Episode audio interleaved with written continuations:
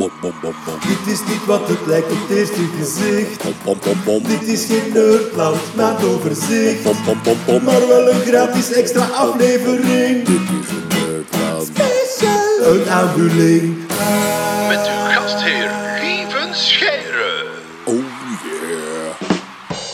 Good day, everyone. Welcome to another episode of the Nerdland podcast, and a very special episode because with us today is Mr. Walter Isaacson. Uh, good day, Mr. Isaacson. Good day. Great talking to you again. Well, we are so happy that you join us here because you have written the latest Musk biography. Not only this, you actually were part of his life for two years. You could follow him around. You were there in his personal lives during meetings.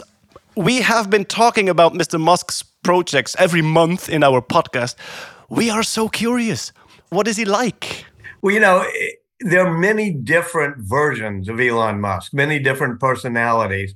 And sometimes in the middle of the day, he'll be in engineering mode and he'll be focused like an absolute laser on maybe a leak in the Raptor engine under Starship or a problem with uh, unprotected left turns on full self driving. And then sometimes he gets inspirational. He'll talk about the need to get to Mars or to have sustainable energy. Sometimes he's funny and giddy, uh, watching Monty Python skits on his phone. But like his father, um, he could become suddenly a dark personality, almost as if a switch gets flipped. And like Dr. Jekyll and Mr. Hyde in the story. And is this triggered by something? Sometimes it's triggered by somebody telling them you can't do something. Uh, sometimes uh, it's just comes on. You can see it. His girlfriend, Claire Boucher, known as Grimes, I remember being at dinner one night at a restaurant in Austin with four other people. And she looked over at me and she said, demon mode. And I said, I, I couldn't see it. But then she knew it. She knew it was about to happen. And about 10 seconds later, he just got really stony and cold and angry. Did you did you see the whole range of what? Because you say that he's a lot of personalities, lots of different sides. Are you confident that you saw the whole range of who Elon Musk oh, is? Oh, yeah. Because he looks, yeah. Oh, yeah. I mean, I spent two years and some days I'd be there starting at nine in the morning and we'd go until two in the morning. And I watched him cycle through a range of personalities. And of course, I talked to more than 150 people in doing this book. And uh, I, I, I could see the different moods.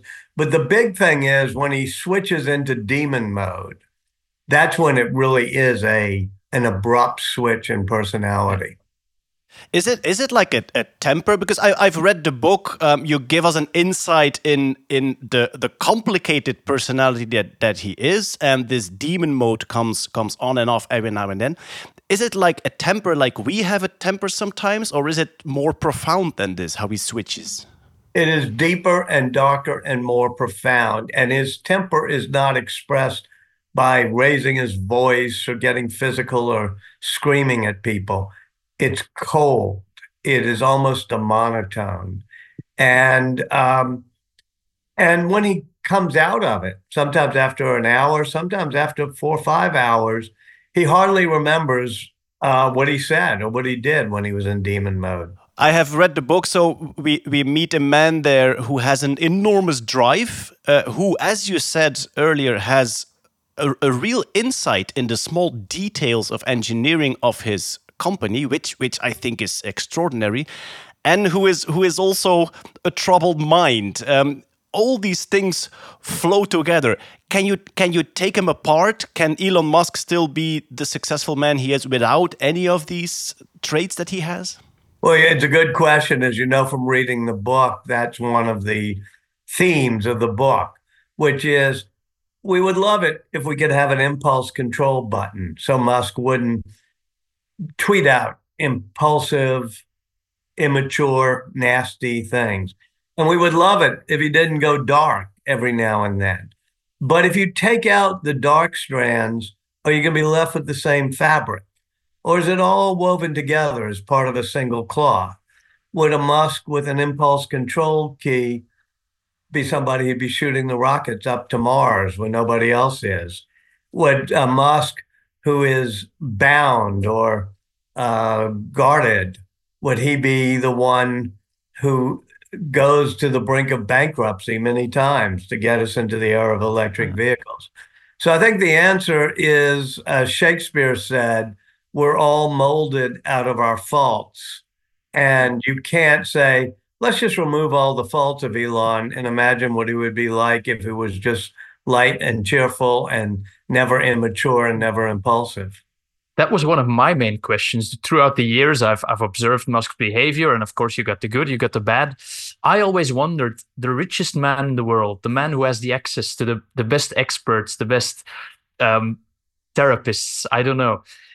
Why isn't there because he doesn't allow them probably why aren't there people who are saying okay now we're you're in demon mode we're going to try and and and and solve this we're going to try and, and make this more workable you say that there is some kind of method to the madness and that the madness is required to do what he has to do but isn't there any pushback from the people who surround him his family his yeah friends? i mean if you yeah. see in the book there's so many stories of people Yeah.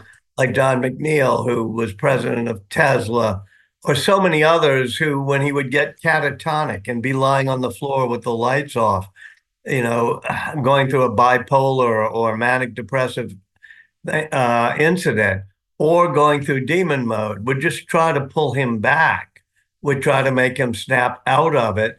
Uh, but Musk never wanted to do therapy. He doesn't have a psychiatrist.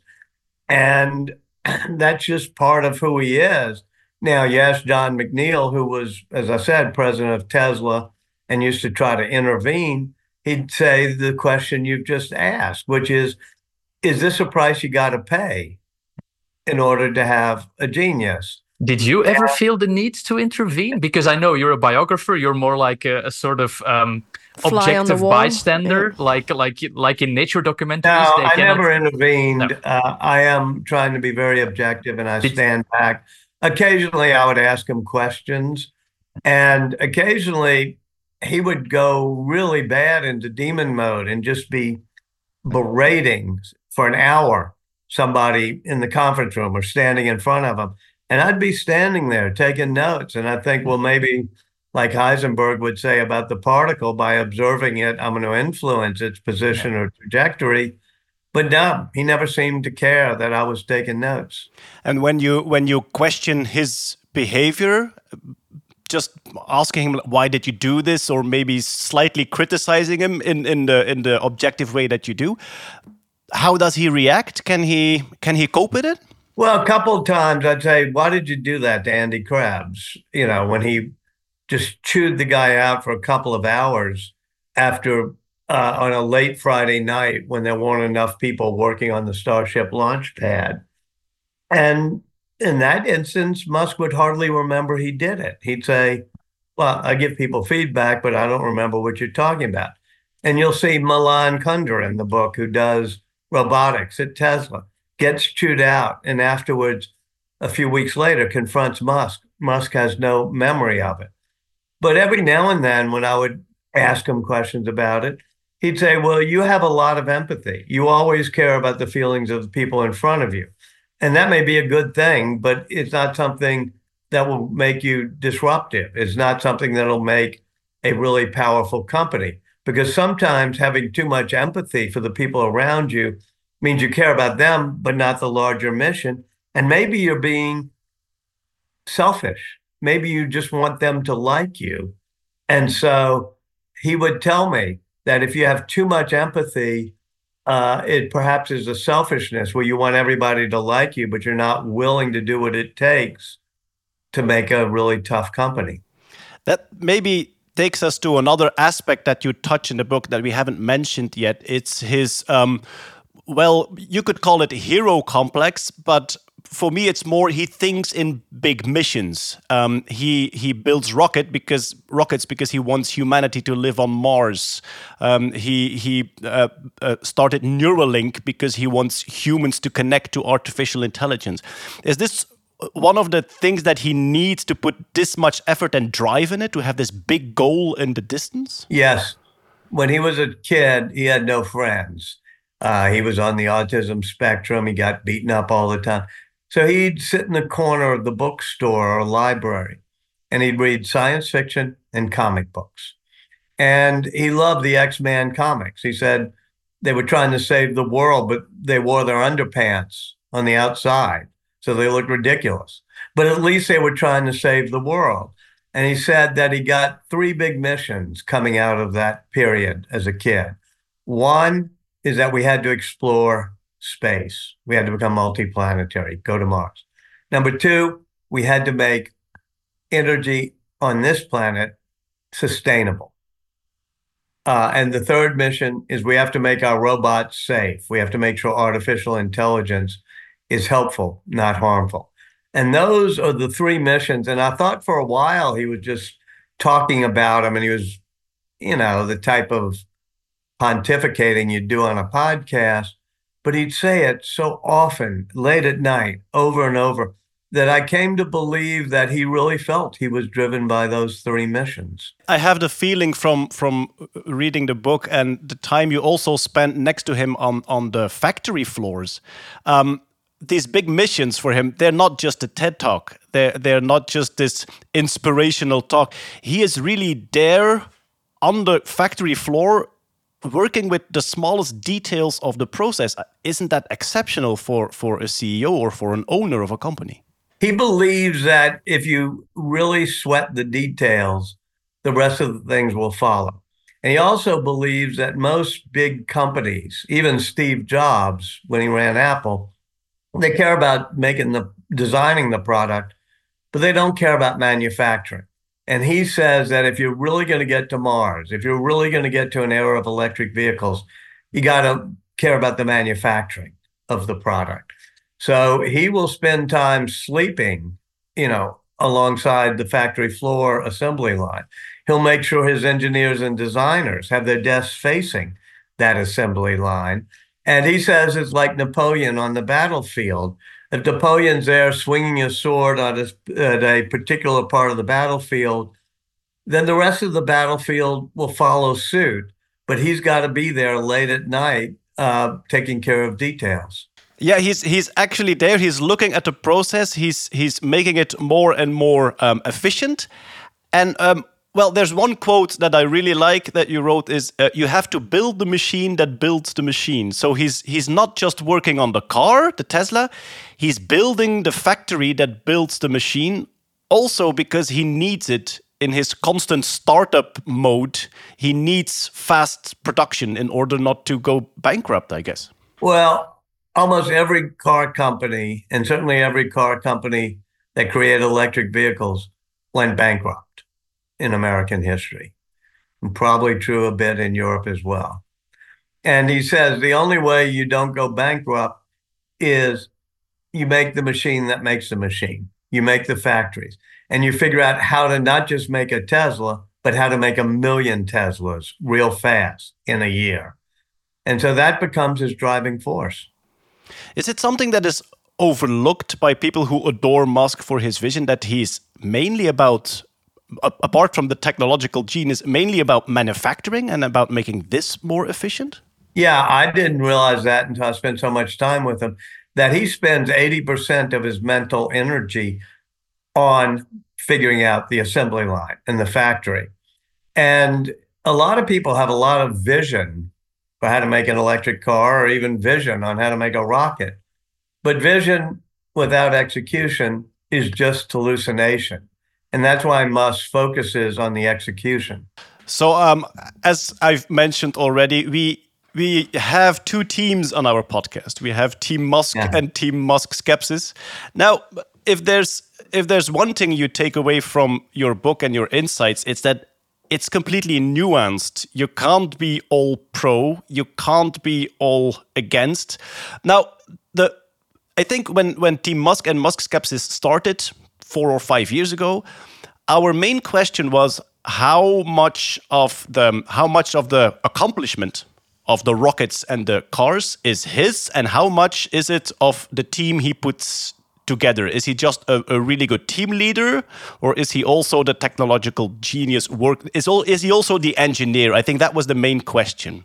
He does a lot of the engineering himself. He has a feel for the material properties of uh, different things, such as stainless steel or Inconel or carbon fiber.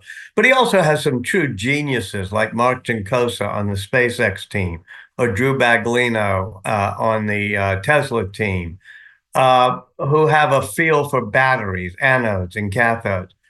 But I would say that Musk's biggest contribution is not on marketing, it's not on finance, it's not even on being a good leader in terms of human relations.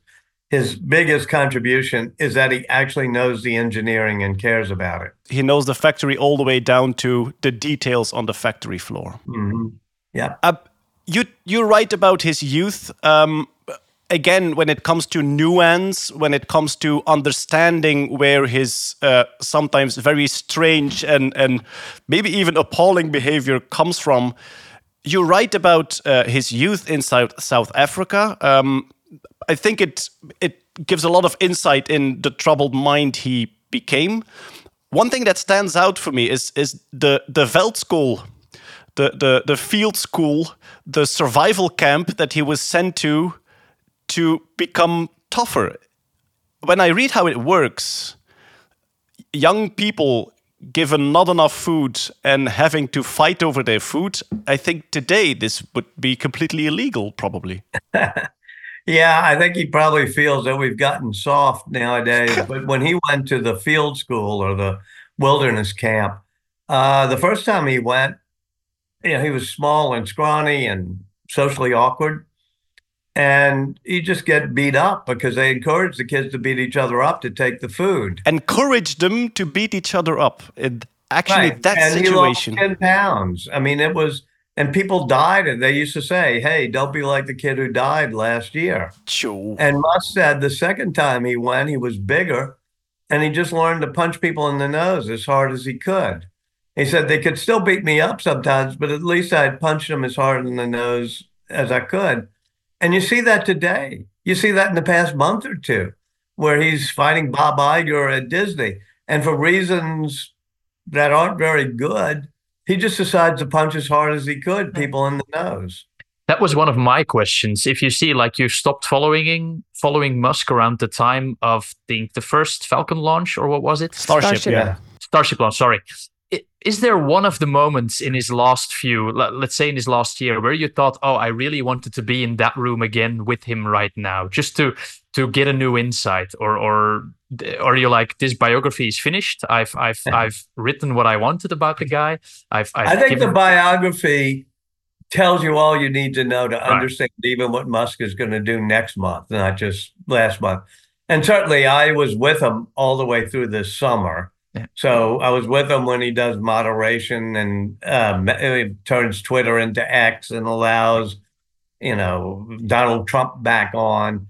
Uh, there's nothing he's done in the past month or two that's in any way any different from the Elon Musk I tried to write about in this book. So, uh, yeah, he's going to do a whole lot of other things, but I don't feel I have to uh, be in the room every uh, day to understand him. This book should allow you to understand him. you don't you don't miss it, I or is that not the right no. now? I mean, I there's an excitement of being around him, but it's also unnerving. And I try to write the book with very fast-paced, short chapters with terse prose, where I just do a narrative that runs real fast, uh, because I want you to get a sense of what it's like being next to him. I try to do that in the drive and short chapters and short paragraphs and sentences in the book. Did he proofread the book? No, one of the deals I had at the very beginning was you have to give me total access, but you don't get to approve the book. You don't get to read the book. You're not, I'm not going to send it to you in advance. And when I saw him right as the book was coming out, he he didn't have a copy, although reviewers had copies because I said, I'm not going to send it to you in advance. He said, Well, should I read it? And I said, No, you shouldn't read it. I was sort of half joking. But nowadays, in the past few weeks, when people say, What'd you think of the book? He just sort of said jokingly, Well, Walter told me not to read it, so I won't say anything. Did you choose him or did he ask you to write the book? I think I we both he we had a mutual friend um and he had talked to both of us about doing it so he and I got on the phone uh Musk and myself and we talked for 2 hours and uh, at one point, uh, I, I, said, "Look, I, I'm not going to do this book. I don't want to do it based on 10 or 15 interviews. I want to do it based on two years of being with you at all times that I want to." And he said, "Okay." That surprised me. And then I said what I just told you, and you don't get to read it in advance. And he went, "Okay." And I went down after that conversation. I was with a group of friends, and all of a sudden they're buzzing and say, "You do." So what happened? They said well, Elon just sent out a tweet saying Walter's writing my biography. of course he did. Yeah. Very impulsive once again, but it's an important point because when people see me read the book, a question that I often get is: Is it just praise? Because they think Oh no. Elon no. Musk ordered with all his billions, he ordered a biography that is all praise, but it's it's uh, it's completely different. It's uh, you you really try to see all the sides of him and both sides of this personality. Yeah, I mean, I wanted to do the truth, the good, the bad, and the ugly. I wanted to show all sides of his personality. I wanted people who absolutely hate him to say, "Wow, he's a little bit more amazing than I thought." And I wanted people who think that he's, you know, are total fanboys and thinks uh, that he's just a total genius to say no it's more complicated. He's darker than i thought. Because we're all human and elon more than most of us has strengths and weaknesses. And my goal was always to keep in mind what will be interesting informative and true uh, to the reader. And the only person i was trying to please was the reader. So it's got the good sides and the bad sides of Elon. And more importantly, it shows how they're interwoven and how they're related. It's a naughty question. Are, are you still in contact with him? Not much. I mean, I've run, uh, and since the book came out, I've been in the same, uh, been with him in the same conference uh, once. And then I was in Austin for the Texas Book Festival and was with a group of people at a birthday dinner and he was there. But we only occasionally have emails or texts back and Right. forth. He's a busy man, of course, but uh, yeah, and I'm not his buddy. I'm his I'm- biographer. yeah. I'm not his pal. Ah, well, I've got, uh, I've got I've got another naughty question about being a biographer. You said like there was some mutual contact between you and Elon Musk, and you've obviously you've you've written biographies of the greats of the earth. Are there any people that you've declined writing a biography about, and why? Probably a que- question you might not want to answer. That's certainly fine by me. Oh, but I, no, I'll answer. There've been about 15 people, Yeah. usually wealthy, successful people, who call me up and say, I'll pay you money to write my biography. But I don't do biography. I don't get paid to do biographies. I don't, uh, and I don't do it because somebody's willing to pay me. So I've, I tell them it's insulting. And I've said no. Uh, I'm, you know, I'm looking around for my next subject, but it's not going to be because somebody wants me to do their biography. Trump hasn't called yet. Uh, Yeah, no, uh, that, that was not going to happen. I would like you to write about me. Yeah, we'll see. oh, he did he did the impression. Oh yes, no! I'm so sorry. Shouldn't do it again. Um, we have talked about Musk on the podcast. There were f- quite often events that we, as as outsiders, were looking at and didn't understand. A few of them uh, are in the book with all the insights from the other side, and I think two important ones. And it's all about his personality and about how we try to figure out: are we fans or not? What do we like about him? What don't we like about him? two important moments for us were uh, two tweets, of course. One, uh, the conspiracy about Nancy Pelosi's husband, that uh, he retweeted the conspiracy that he had taken a male sex worker to his home. And the other one was the prosecute Fauci tweet, which kind of hit me emotionally in a way because we we were true Musk fans, and then suddenly he tweets something like prosecute Fauci. I had no idea. Does he mean it? Is it a joke? Where does it come from? Um, but uh, you were there in the room, or you have you have the entire story of what happened in in the book.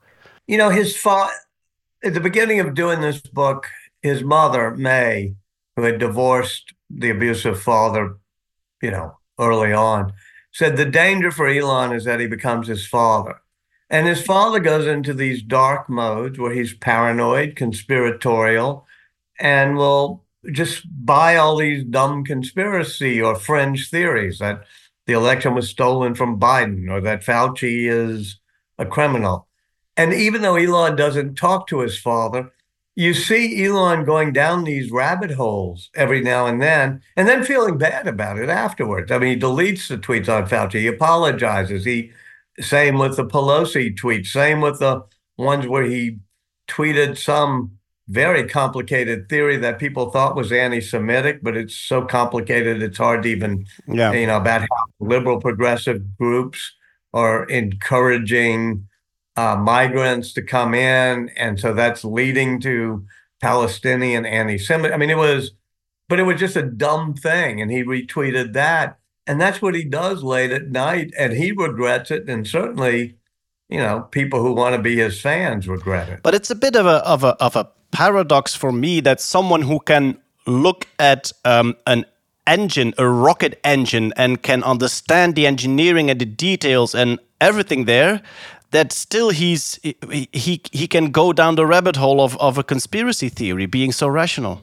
I, I find it problematic, difficult, makes me very uncomfortable. And there'll be times when, you know, most of the time when he's talking to me or others, he's very moderate. He talks about the need of people in both parties to come together and we need centrist policies. But there are times when he goes into a dark place and he suddenly is embracing what I think are truly wacky conspiracy theories uh, and things like prosecute Fauci. And it's not new. I mean, he did it in 2018, got in trouble with calling a British cave diver a pedophile. Yeah. So um, this, you know, his friend Antonio Gracias was traveling with him once and tried to take his phone and lock it and locked it into the hotel room safe and put in a code so Musk couldn't get it out because he didn't want Musk to tweet late at night. And Musk called the hotel security at three in the morning and took it out and started tweeting. It's a addiction he has that's connected to these dark conspiracy theories that sometimes take over his mind. I, as as a as a fan of what he does technologically, I keep hoping that this will go away or or get better. When I read your book, I see that Kimball, his brother, really talks to him like you have to stop this. The damage is huge. Of course, when you're this wealthy and powerful, the the lever on on your flaws is is huge. But then I think yesterday or two days ago, he had an interview with Alex Jones and with Andrew Tate. So uh, tell me, should I give up my hope and just accept that it's going to be this complicated forever? Yeah. Thank you. going to be Thank you very much. I like him. I mean, I mean, not only I like the amazing successes he's had, hmm. but as the book shows you, he's dark and he's complicated at times, and it's been that way, and it hasn't gotten much better. In fact, it's no better now than it was in 2018 when he was doing it, or even before. The only big difference is now that he owns Twitter, things get even more amplified. Yeah. Uh, but Twitter's the worst possible flamethrower to put in his hands because he has no impulse control and he sends out these tweets. So there'll be periods up until a week or two ago, he had been pretty quiet and hadn't done much. But in the past week, he's, or two weeks maybe, he's gone back into those rabbit holes of conspiracy theories. And I suspect 10 years from now, people say he's still doing it. Do you think that he wields too much geopolitical power just as a concept? He's the richest man in the world. He owns a lot of the most important companies when it comes to space travel, when it comes to military applications. Is it wise to have so much power and so much influence concentrated on one man who is, as we all are, flawed? What is your opinion on that? Yeah, I, I think it's unwise. I think it's mm. bad that he has too much power and too much influence. And in the book, I try to deal with many layers of that. The very first layer is how come he has so much power? Well, because everybody else who's been launching satellites can't get satellites into orbit, and he's gotten 5,000. So he has Starlink, which gave him great power in the Ukraine war. His satellites work. He's the only person who's been able to build rocket ships that can send astronauts into space and then land upright and be reused. So, how come Boeing, NASA, the European Space Agencies, others haven't been able to make reusable rockets or haven't been able to recreate the internet in outer space? And how come Ford and General Motors haven't been able to do electric vehicles? And the new power he has that people haven't noticed much is the government here in the US was helping to create a charging network for electric vehicles. But the chargers that they were using and the standard they were using was so crappy that nowadays Ford and General Motors have decided they're going to go on the Tesla charging network, which means he's controlling the Yes. EV charging network. Now, in Europe, you're trying to stop it, but with all due respect, you can sort of stop it maybe through regulation. But the EV charging network that the governments there or people there are building are horrible. Mm-hmm. And Yeah. So he, And- he has accompli- he has true accomplishments that Yes. brought him his his his wealth. Well, it- it's why he controls the internet and outer space and the charging networks and the launches of rockets and got us in the Earth's EVs. Now, that doesn't mean he should have that so, so much power. But question one you got to ask is how come other people can't get it right? They don't take risks. They don't know how to do engineering. I think that he should not have so much power. That's why we have regulators. It should we, he should be regulated. And secondly, when he had the power to decide to use to allow the Ukrainians to use Starlink to attack Crimea or not, uh, that was too much power for one person. And even though I don't give him advice, when he was telling me about it that night, I said, Have you talked to the US military? Have you talked to General Mark Milley, who runs the Joint Chiefs? And he did end up talking to those people, and he gave up voluntarily power over some of the Starlinks so that the US military and the CIA now has power over it. And he said, You know, how did I get into this war? I didn't ask for this much power. I made Starlink so people could watch Netflix movies and chill and play video games. But nobody else can seem to make a communication system, so I've got this much power. the method that got him here, all these ac- accomplishments, um, how much of it is rational decision? I mean, when he looks at an assembly line, he makes rational decisions. If I do this, things will improve. And how much of this is his personality? The fact that he is addicted to urgency and to to crisis. Maybe some of his decisions are not rational decisions. I want to make things go faster, but just because of his personality, it ended up that way. Well, I think that's an important point. A lot of the good engi- engineering decisions he makes are because he understands that when everybody else is saying we can't use stainless steel to build the Starship rocket, he explains you could do it in stainless steel. It won't weigh more. But part of it, and this is where he gets both uh, passionate but dark, is he has a fierce sense of urgency. When he took over Twitter, he fired 85% of the people and said it's just too relaxed of a culture. They all go to yoga studios and drink artisanal coffee. I want them working around the clock.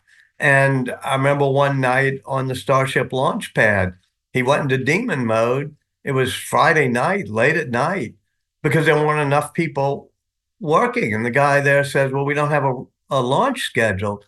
And he orders that they bring in hundreds of people from Florida and California so that for the next six days they can stack the rocket with some urgency, even though there was a launch schedule.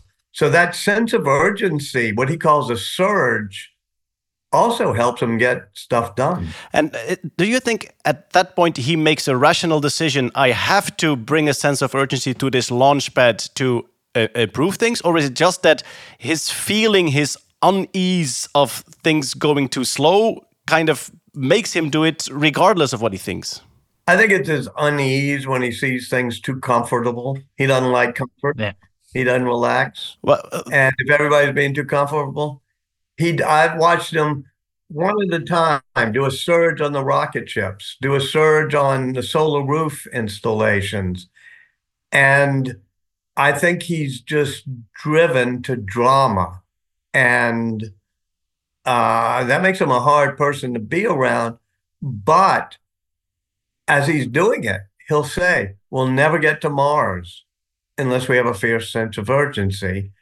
And most people burn out or quit, but a lot of them say, This is the most important thing I could be doing in my life. And they don't mind working through the weekend to surge a rocket stacking. one of the first questions that I wrote down after finishing your book is Is he ever happy? No, he's not hmm. ever very happy. Really? And the weird thing is, it sounds contradictory. I don't think he likes happiness. Okay. You know, he, he, he- I'm not sure he'd be happy to be happy. because it's it's Exactly. comfort and it's calm. yeah, I think as one of his wives said, he associates drama and pain with childhood and childhood love. And Kimbal says he's a drama magnet. And he should have been really happy at the beginning of two, uh, 2022 when I was been working on the book. Everybody else had gotten out of the rocket business. He made rockets that could land and be reused. He had made a million Teslas when GM and Ford were getting out of the business. He'd become the richest person on earth, the Financial Times Person of the Year. I said, Are you happy? He said, No. And that's when he started buying up Twitter. He said, I don't like to just sit there and savor success. You have written many biographies about Da Vinci, about Einstein, about Jobs, also about Kissinger and, and Franklin. But for us, I think Einstein, Jobs, Da Vinci, and Jennifer Doudna for our theme are very important people. Is, is there a line? Do you see a recipe to the genius, or is it just completely different methods and lives every time? Well, I do try to write ge- about geniuses. And as you do on this show, you know that genius doesn't come from just being smart. You have to think different. You have to be imaginative, be creative. You got to think out of the box. Steve Jobs' phrase was, you know, think different. Um, and so they're all willing to be disruptive and think different. There's not one simple recipe. Otherwise, I could have just written one book saying the 12 lessons to, you know, success or genius or leadership. You know, Ben Franklin and Jennifer Doudna were very nurturing people who kind, they brought people together. Steve Jobs and Elon Musk are very driven people who can pull people apart. Um, but in general, they're all people who are driven by a sense of higher mission, not by money. And they have a passion for making even the parts you can't see beautiful, which is what Steve Jobs did. So, Hetty, that's very good news. Uh, Jennifer Doudna, I think, especially for you as a geneticist, absolute hero, uh, came up with the CRISPR technology. You can do great things and still be a nice person, Hetty. We, ha- we have to remember Definitely. this. And that was the point of that book is that whenever she hires people into her lab or into her companies, she gathers all the people on the team to make sure everybody feels comfortable with them. She wants people to feel comfortable at work. Steve Jobs, I mean, uh, Elon Musk, when they were telling him that's what they did at Twitter and we care about psychological safety, he looked at me and said, Psychological safety, that's our enemy. We want a hardcore intensity. So people do it differently. Uh, but Jennifer Doudna, of course, is the person who I personally like the most because not only is she a genius, not only has she changed our world, uh, but she's a very nice person. That's good to know.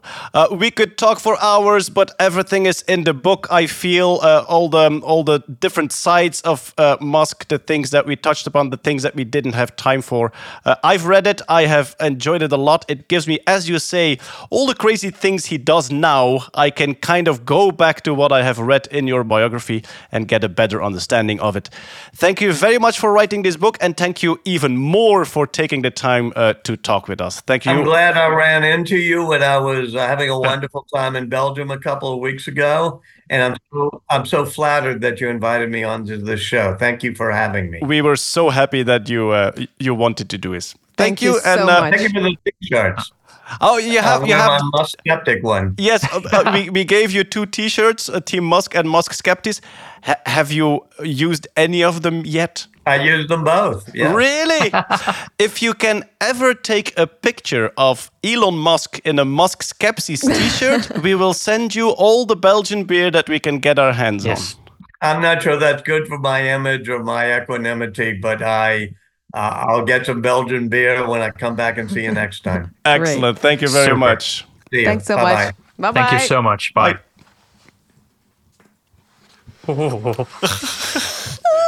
Die is gewoon echt en al en die praat Dat is gewoon een imposante man. Die praat met zo'n gravitas. Dat is zo echt van, oh. En je ziet dat ook aan zijn gezicht dat hij ik er ging geweest nog is. vragen van hoe is dat?